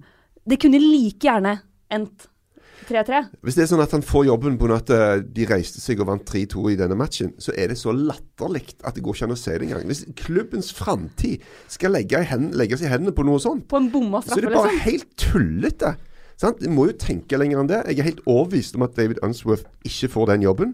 Og det tror jeg er bra. Her lukter det eh, Team Sherwood lang vei. Lang vei. Lukter ikke Sam Alarise? Er ikke det det lukter sterkest akkurat nå? Eh, Ja, men jeg tenker, nei, jeg tenker at, eh, at David Unsworth oh, ja! har likhetstrekk Ja, med Tim ja, Sherwood. helt enig. sånn, I, for, I måten han tar en midtbanespiller fra eh, reservelaget, en Bentaleb, mm. som Sherwood gjorde. At han gjør liksom litt sånn Snakker veldig mye om, om, om de der han er The Everton Way, og Ja, snakker om fansen og veldig. Men, men når det koker ned til stykket, så tror jeg ikke det er nok. Jeg tror ikke det er nok der til at han skal konkurrere mot de der han er masterhjernene som faktisk fins i Premier League nå, på, på managersida. Så eh, Men eh, hvis man da ender opp da med å ansette Sam Allardyce, om vi snakker om retninger i klubber Fordi det er altså Det er så innmari traust, da. Det er liksom, Ja. altså Kan du komme på et kjedeligere valg av Everton? Nei, men Jeg tenker også mer på hvordan man eh, har tenkt å spille fotball. jeg. Ja. Uh, og hvilke steg man skal ta for å pushe da topp seks, som er Evertons Ja, men- men- Men igjen så må man kanskje reorientere seg litt på ambisjonsnivå for denne sesongen, da. Se hvor du ligger henne. Og Det er jo det som er de vanskelige avveiningene. Skal vi ta noen som sikkert tar deg ut av relegation zone og la deg beholde plassen i Premier League? Eller skal vi se langt fram så er topp seks og Europa og hele greia, da. Hel, selvfølgelig vil du helst ha begge deler, men, men eh, det å tenke langsiktig og sånt, og med den så, Altså, det å komme inn og, og gjøre om på ting, og, og begynne at skal spille en bestemt type fotball som de gjerne ikke nødvendigvis har spilt tidligere, jeg vet ikke, det er jo noe som ikke nødvendigvis gir uttelling umiddelbart. Det tar jo gjerne litt tid. Og den tida har faktisk ikke Everton. De kan rykke ned. Vi fortsetter på um, managere i faresonen. Uh, Tony Pulis har to seire på sine 20 siste kamper. 12 poeng på de 20 siste. Alt dette startet med at Gary Megson ble ansatt som assistentmanager. Jeg mener at et lag i en sånn situasjon, det trenger jo i hvert fall én ting. Og det er jo Tony Pulis. Rett og slett. Altså, han er jo en sånn type som folk ville hente. Altså, Everton ville jo tenkt at OK, hvis det er en som i hvert fall sikrer oss plassen, så er det Tony Pulis. For vi har jevnt sparken til sommeren igjen. Skal, da skal vi tenke langsiktig. Men, men jeg mener, nå må de ikke få panikk. Altså. Og jeg er sikker på at han uh, kommer til å fikse dette her. Men uh, hovedproblemet til Eller et annet problem er jo Se hvor glissent det er, da. Se hvor lite folk det er på kampene. Altså, de, mange er jo lei denne greia, den fotballen. Men han har hele veien vært litt sånn at han lander alltid på beina.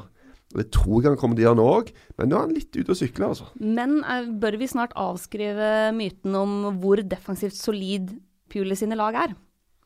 Er det en myte?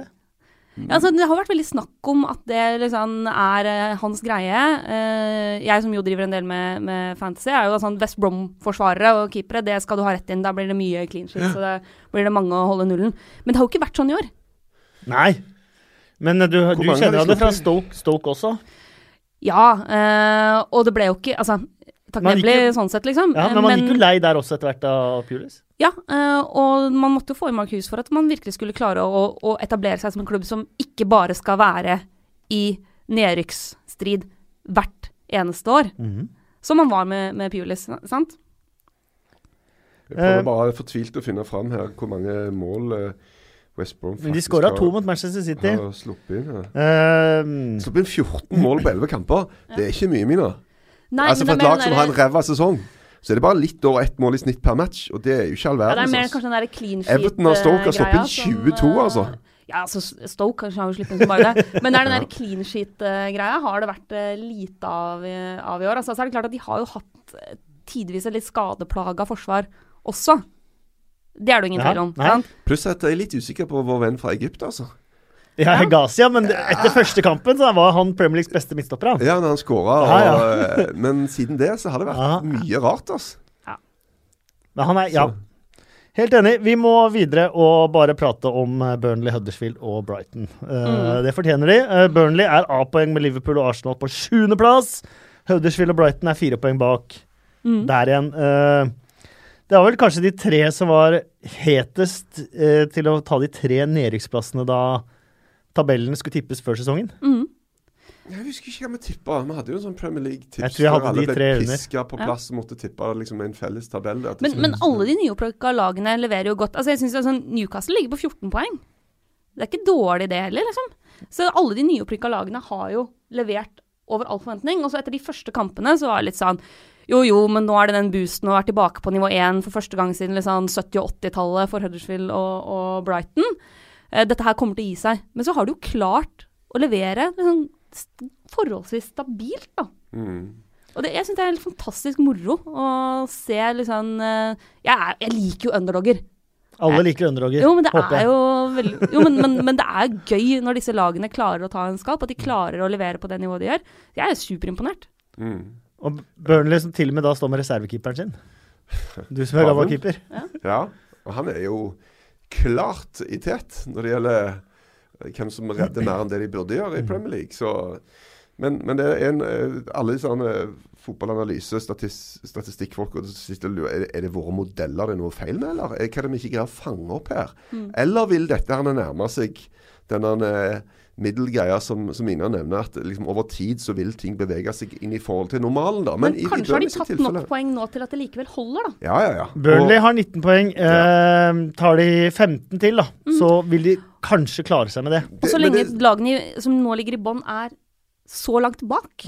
Men de, de har altså greid å befolke Forsvaret så tett. Og har så mange altså De blokker så enormt mye skudd. da. De, de har en fant ingen lag som slipper til flere mo avslutninger imot enn Burnley. Men de, de er så relativt få som egentlig kommer fram til mål. da. Det er en skog av bein i veien. Men det som er det mest imponerende, er, for det er greit å legge seg bak med mye folk, det er det mange lag som kan gjøre, men de greier likevel å skape nok framover til at de får en del mål. De skårer mye mer enn det de burde gjøre, selvfølgelig, ut ifra sjanser, men OK, fair enough. Eh, det er jo en kvalitet, det òg. Så nei, imponerende, men igjen, det er jo ikke det er jo sånne heksegreier som ligger i bånn. Ja. Men det jeg syns med Burnley, som skiller seg ut egentlig fra mange andre lag, eh, og som man veldig ser, man ser det på nært hold, de syns det er morsomt å forsvare seg. Mm. Der andre lag eh, elsker å angripe, og der de Ja. forsvarer seg fordi de må, så ser det ut som de, eh, de i hvert fall de midtstopperne til Burnley, syns det er kjempegøy å stå bak der og være krigere, liksom. Og der, i motsetning til Westham, så har du et kollektiv som fungerer. Sant? Og Ja. eh, vet ikke om dere har lest den The Numbers Game, den statistikkfotball-nerdeboka. Ja. De sier jo det, de hevder jo det at altså, det er mye viktigere for plasseringa di på tabellen og antall poeng du tar, å slippe inn ett mål mindre Mm. per kamp enn å skåre ett mål mer per kamp. Fordi i en del kamper så vil det å klare å holde nullen være nok til at du ganske ofte vinner. Men Ja. uansett, klarer du å holde nullen ofte nok eller slippe inn få poeng, så vil du klare å ta poeng mot dine største rivaler. sant? Og det, det ser vi, Den greia der ser vi jo nå at med alle analyseavdelingene sånn som alle klubbene har, så ser vi jo det i hva forsvarsspillere koster. Mm. Plutselig så koster de like mye. Ja. Eh, og de burde jo eh, kanskje til og med koste mer. Og til og med keepere. er Keepere burde ganske- koste mest, ja, faktisk. Men eh, i, i Spania for eksempel, har det jo vært en sånn greie med at keeperen bruker ikke penger på keeper. Altså Det er en sånn rar greie. Alle de andre magikerne, fair enough, men hallo, en mann med hansker, det kan jo alle gjøre. Ja, men Det er jo, det, det syns jeg er helt sprøtt. At man bruker 30-40-50 millioner pund på en stopper, og så står man fortsatt med Mignolet i mål, f.eks. Ja. Eh, det synes jeg er Hockeyen har, skjønte jo det her for eh, 50 år siden. Den viktigste posisjonen, det er keeperen. Og der er den jo, I hockeyen så er keeperen enda viktigere enn i, i, i fotball, selvfølgelig. Men keeper må jo være den viktigste posisjonen aller først. Men du har så godt som ingen rotasjon, sant? så du er avhengig av at førstekeeperen din faktisk er en ekstremt god keeper. Hvis du har en, en back som er i litt dårlig form, hvis du har en midtbanespiller som er i litt dårlig form, så vil du ha flere alternativer. Men i de aller fleste klubben, klubber så vil andrekeeperen være såpass mye dårligere enn førstekeeperen at det er en veldig sterk svekkelse. Ja, og min, ja, det som nå har blitt motbevist, som jeg har sagt nå i mange år, da, jeg mener jo at det er jo kjent det ordtaket der at uh, mål vinner av kamper, men uh, Forsvar forsvar titler. vinner av titler. I bunnen av tabellen har det vært omvendt. Mm. Uh, de som har sk evnet å skåre mål blant bunnlagene, er de som har holdt seg. Og Det er derfor bl.a. Chris Huton kanskje ikke har lykkes så bra i, i Premier League, for han har hatt en veldig solid defensiv, men ikke skåra mål. Denne sesongen her så motbeviser jo da i hvert fall disse tre lagene min, eh, min teori eh, så langt. Eh, eh, Chris eh, Ja, Sean Dyche var vi jo så vidt eh, innom, og så fikk jeg jo da selvfølgelig spørsmål på Twitter fra Hvor ble det av den her nå? Nå skal jeg finne den. Eh, dette har jeg vært innom før, eh, Erik. Eh, Truls Eliasson, Eliassen spør får Chris Huton den rosen han fortjener. Nei! Men det morsomme var jo at eh, Chris Huton ble intervjua av Gary Lineker på Match of the Day eh, på lørdag, og Lineker klarte å stille spørsmål til Cruise Huton. Føler du at du får den krediten du fortjener? Ok, ok, svarte han? Han følte han fikk det. Ja. My Han var wife- my- folkehelt. My wife is eh, very supportive. ja, my wife. Gi meg den krediten jeg fortjener. Eh, vi har lovt at vi skal dele ut blomster og kaktuser som vi alltid gjør, men først før det så skal vi ha fun factsene til Bill Edgar i The Times.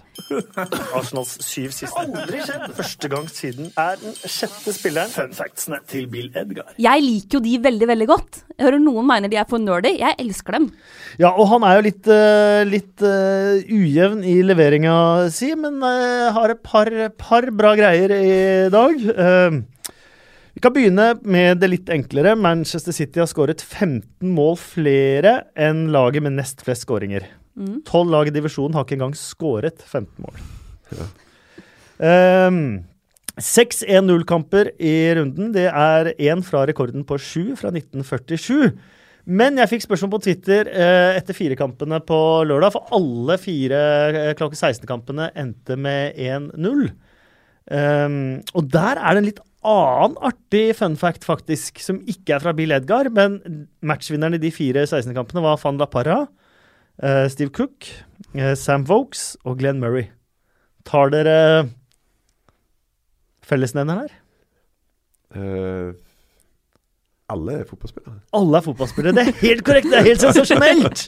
Nei, um, eh, alle fire enten spiller de eller har spilt for Brighton. Ja. Oh, ja. Eh, så kommer vi til en fun fact fra Bill Edgar til Mina. Peter Crouch har skåret 57% av Premier League-målene sine etter fylte 30 år. ja. Og nå sier han at han vil spille til han er 40. Mm, det og hørte det jeg. ønsker vi alle at eh, han får til. Men hvis du ser på Michael Owen, han skåret 99,7% av sine Premier League-mål før han fylte 30. ja. Men Peter Crouch er som god vin, vet du. Blir bare bedre med alderen. Mm. Og så har vi Han må i hvert fall ikke, må ikke begynne å spille med han fra start, for da kan alle spille til han er 40. Da ryker han ganske kjapt. Men litt sånn innhopp tror jeg passer ganske bra for han. Altså. Ja, Markus fikk spørsmål om det. Mhm. Altså, hvordan er det å ha liksom, Peter Clark som plan B? Det må være fantastisk. Og da svarer han at ja, men hvis han fortsetter å spille sånn, så går han jo fra å være plan B til å være plan A. Ah, ja. Men da har man jo ingen plan B igjen. Så da kommer det jo bare til å gå til skogen. Ja.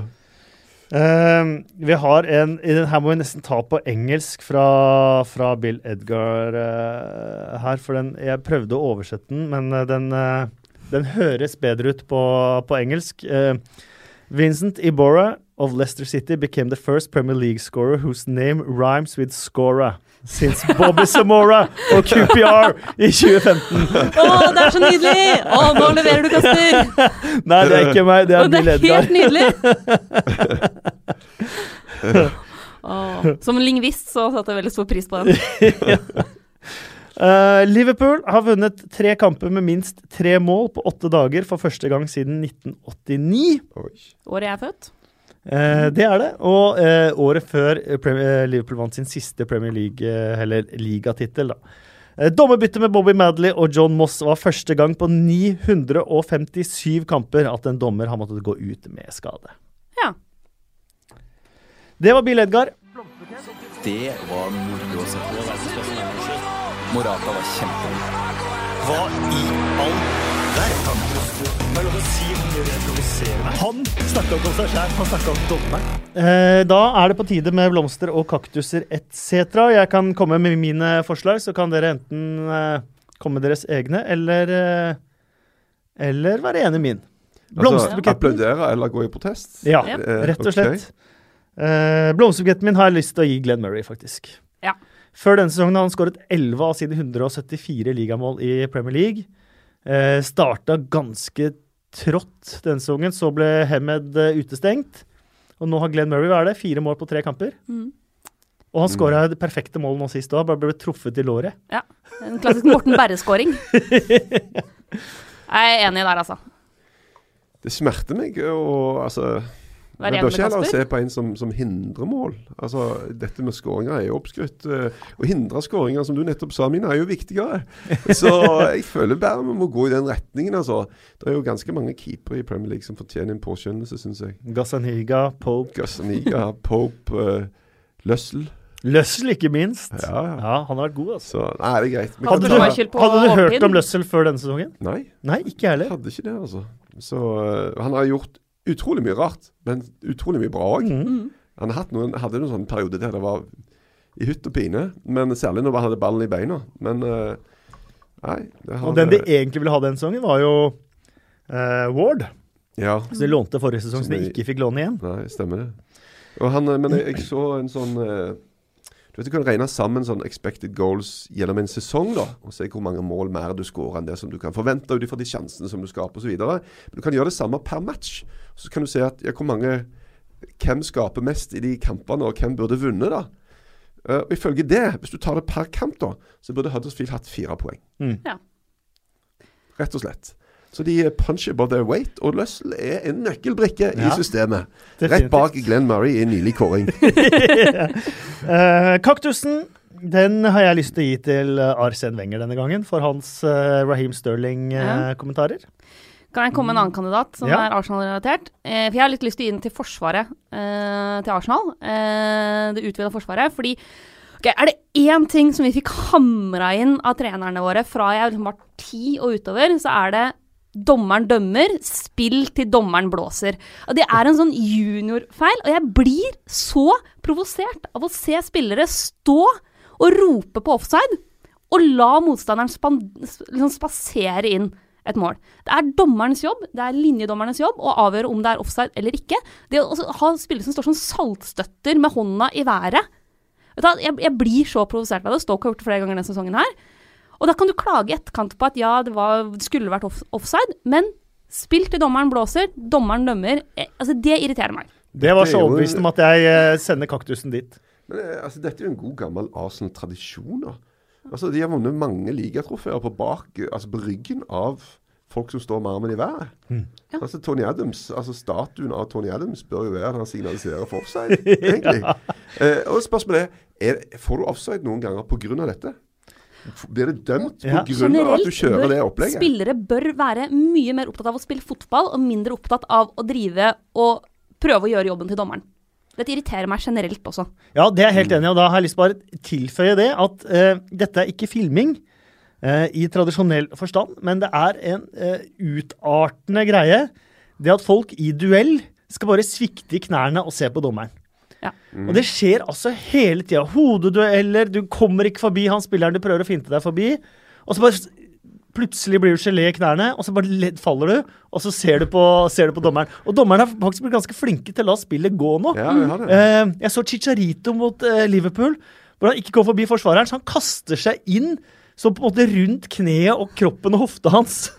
Og ligger på ryggen og ser på dommeren, og får ingenting. Og det er så Og befriende å se dommere som ikke gir for det der dritten der. Og spillere som mister ball og står og venter på å få få frispark av dommeren, og dermed tillater kontring motsatt. Det også provoserer meg voldsomt. Mye kaktuser, Det var det mye som skulle ut, altså. Ja. Hekka, ah, men, men det er superirriterende. Jeg har mye på hjertet, jeg òg, men jeg føler at nå er det nok. Dette holder. Så, men hvem får kaktusen? Skal vi bare gi den til Jeg syns jo litt synd på forsvaret til Arsenal òg, i og med at det var en soleklar offside på David offside. Silva. Eh, men, eh, men jeg er med på å gi den dit. eh, Du var overbevisende. Eh, Jeg har fått eh, en del henvendelser fra Arsenal-fans som faktisk vil gi han til assistentdommer ute på linja. Men OK, dere de, får ignorere den slags. de får krangle om den. Ja. Eh, vi har en ukjent helt og en som ikke stjeler de største overskriftene, men som likevel gjør en uh, fantastisk uh, jobb. Um, den har jeg nå lyst til å gi til Fernandinho i Manchester City. Ja. Jeg synes han Får han ikke den rosen han fortjener? Han får ikke den rosen han fortjener. Har du spurt Eh, han om det? Men nå har han jo vært involvert i masse skåringer og i tillegg. Mm. Både skåra og assistert. Men den jobben han gjør på Ja. den defensive midtbanen Mm. Manchester City kunne ikke spilt på den måten de gjør, mener jeg, Mm. uten at en så bra fyr eh, hadde gjort den jobben. Ja. Og jeg er helt enig, fordi altså, i altfor mange år så har de, de defensive midtbaneankerne blitt ignorert, fordi de scorer litt og har ikke så mye assist og er ikke så elegante. Men for å si det sånn, da. Pirlo hadde aldri kunnet briljere uten at Gattusso gjorde jobben bak han. Og sånn er det i City nå også. Mm. Nei, jeg føler at de, eh, de har, har de fått nok skryt? Ja. Hvem ble årets spiller forrige sesong? Kanté. Ja, men jeg, Altså, sa, altså, jeg er enig i fjor med Kanté, men det er fordi han har vært så ekstremt god i den posisjonen. Men tidligere sesonger så syns jeg at man har siden Makelele så har de blitt hylla og løfta og dyrka. Og i altfor stor Påstår grad. Dette er folk som basically ikke kan spille fotball. La oss være helt ærlige. I et lag med kunstnere som Manchester City, så kan du bare plukke den ene etter den andre. Nei da. Hæ? Fernandinho, av alle. Men det er fordi man alltid trenger en mann i Gattuso-rolla, Og det er de som gjør at du vinner mesterskap. Ja, da, jeg er helt enig. Altså, det, et, et dritbra lag består av mange komponenter, og du kan ikke bare ha David Silva og den gjengen der. Du må ha andre ting òg. Og, og det er noe av det som er imponerende med City nå, at de det virker som om eh, Dere skrøt av Stones og Otamendi. Jeg er faktisk ikke sikker på de. Jeg er en som fortsatt en dag i dag kan ta meg og tenke Er det bare jeg som syns at Otamendi At det er rart at han har blitt ei hylla verdensstjerne i fotball? For han er jo helt Han kan jo ikke forsvare seg én mot én. Hvis du greier å isolere han ut på kanten, så er han sjanseløs. Han kan ikke forsvare seg. Men da må du klare det, da. Hæ? Ja, altså, men, men så har han da et eller annet selvfølgelig som gjør at han spiller alle disse kampene for Argentina og spiller på Man City. Altså, Du er ikke ræva hvis du gjør det, men av og til tenker jeg jeg er den eneste i verden som ser dette. Men den som eh, faktisk husker Otamende eh, veldig godt fortsatt, det er tatovøren hans. Så mye hyling og skriking og grining det må ha vært. Nei, jeg bare ser for meg, Ja, ja. fordi at eh, Han ser ganske tøff ut med skjegget og tatoveringene sine og sånt nå. Men for Får så en vondt. fyr til å få vondt, ass. Å, Wow. herregud. Da, da vil jeg gi eh, dagens blomst eh, Til tatovøren til Otamendi? Nei, det vil jeg gi til Casola i Arsenal. Ja. Så dere bildet Ja. med Åh. armen hans på foten? Så, Armen på foten. Og det er Altså- så trist. Altså, det er, det er et av de sykeste bildene. Det var bare helt sånn wow. Mm. Så um, OK, dere, disse Arsenal Kanskje de- vi gir det til treneren, til Forsvaret. OK, jeg skal gi det til en fyr som ikke har spilt på det laget på lenge. For at han, Helt enig. Vet du hva? Åtte operasjoner. Jeg Holdt på å miste foten altså. Ja, Det er faktisk det beste innspillet vi har fått til Ja. blomsterbukett siden denne podkasten starta, Erik. Så Santi Casorla får eh, blomsterbuketten. Glenn Murray må sitte igjen med skjegget i postkassa, dessverre. Og hårtransplantasjonen hans. Um, rundens eh, øyeblikk, den føler jeg er egentlig er ganske klar. Morata scoring mot Manchester United. Nå syns jeg du Nesten så tida sto stille. Mm. Nå syns jeg du eh, forbigår Peter Crouch her. Ja, eh, men jeg eh, jeg skal det. innse at eh, rund, altså, rundens øyeblikk er jo litt avhengig av hvilke lag man holder med. Eh, men jeg, jeg skal innrømme at eh, sånn objektiv, for den objektive seer så er kanskje Morata et større øyeblikk. For meg personlig. Er Nydelig. Altså, det er bare sånn estetisk. Det er så perfekt Ja. utført. Det er så Men altså, hvis du tar en passer og setter den på Morata, så kan du dra fem meter rundt i alle retninger. Og der er ingen folk der. Nei. Hvordan går det an? Jeg får det ikke helt til å stemme. Jeg prøvde å se ja, men hvem som skal ha han, da. Mm. OK, det var en foran, det var en bak, men midt foran mål så er det ingen Nei, United-forsvarere. og det var en interessant analyse jeg så på det. For det er jo det løpet som øh, hvem, Er det Bakayoko som tar det løpet inn mellom, eh, mellom at spiller Kveta og Morata, som gjør at Smalling Mm. må følge Ja. Bakayoko der. Ja, Og plutselig står Morata der, da. ja. Mm. Fantastisk. altså, Så Bakayoko fortjener en liten blomst. eh, En liten torn Spiller av ikke han i denne litt ømtålige posisjonen der på midtbanen? Um, vi skal selvfølgelig også ha Fem eh, kjappe, vår eh, nye spalte. Um, ikke lov å eh, komme med resonnementer nå når dere svarer. Um, fem kjappe spørsmål. Rykker Crystal Palace ned? Ja. ja. Hvilken spiss burde Newcastle kjøpe? Pit Crouch. Nei, nei, nei, nå må, nå må du gi deg. En mann som bare sitter på benken i Stoke, så får han billig. altså. Supersub. Ja. Ehm, tja Hvem skal vi putte inn der, da? Um, da tenker du de folk de kan hente i januar? Ja, De må jo i hvert fall ha en spiss. Ja, det er helt klart. Låne, nei, låne Jorente, da? Bør West Bromwich sparke Tony Pulis? Nei. Nei. Burde Peter Crouch starte neste kamp mot Brighton? Nei, supersub. Nei. Og hvem bør ta over Westham? Koman. Ja, jeg satt akkurat og tenkte det samme. Ronald Koeman. Ja. Ja. Da var det denne podkasten for uh, denne gangen. Neste gang er det, neste helg er det landskamppause, som det heter. Uh, vi kommer likevel med en ny uh, podkast til uka, vi. selv om vi ikke har noen runde å prate om. Hvis du likte denne episoden, så gå inn på iTunes og gi oss gjerne en eh, både en kommentar og en eh, rating der. Takk til Moderne Media som har eh, produsert denne episoden. Takk skal du ha, Kristoffer. Det var dritbra, altså. Veldig bra Veldig produsert. bra jobba. Ja. Og takk til eh, Felix. Og tusen takk til deg, Mina, for at du kunne komme. Det var kjempegøy. Og tusen takk til deg, Erik, for at du kunne komme. Det var kjempegøy. Håper dere kan komme seinere også. Og håper eh, at alle som hører på, får en flott fotballuke med landskamper i stedet for klubbfotball.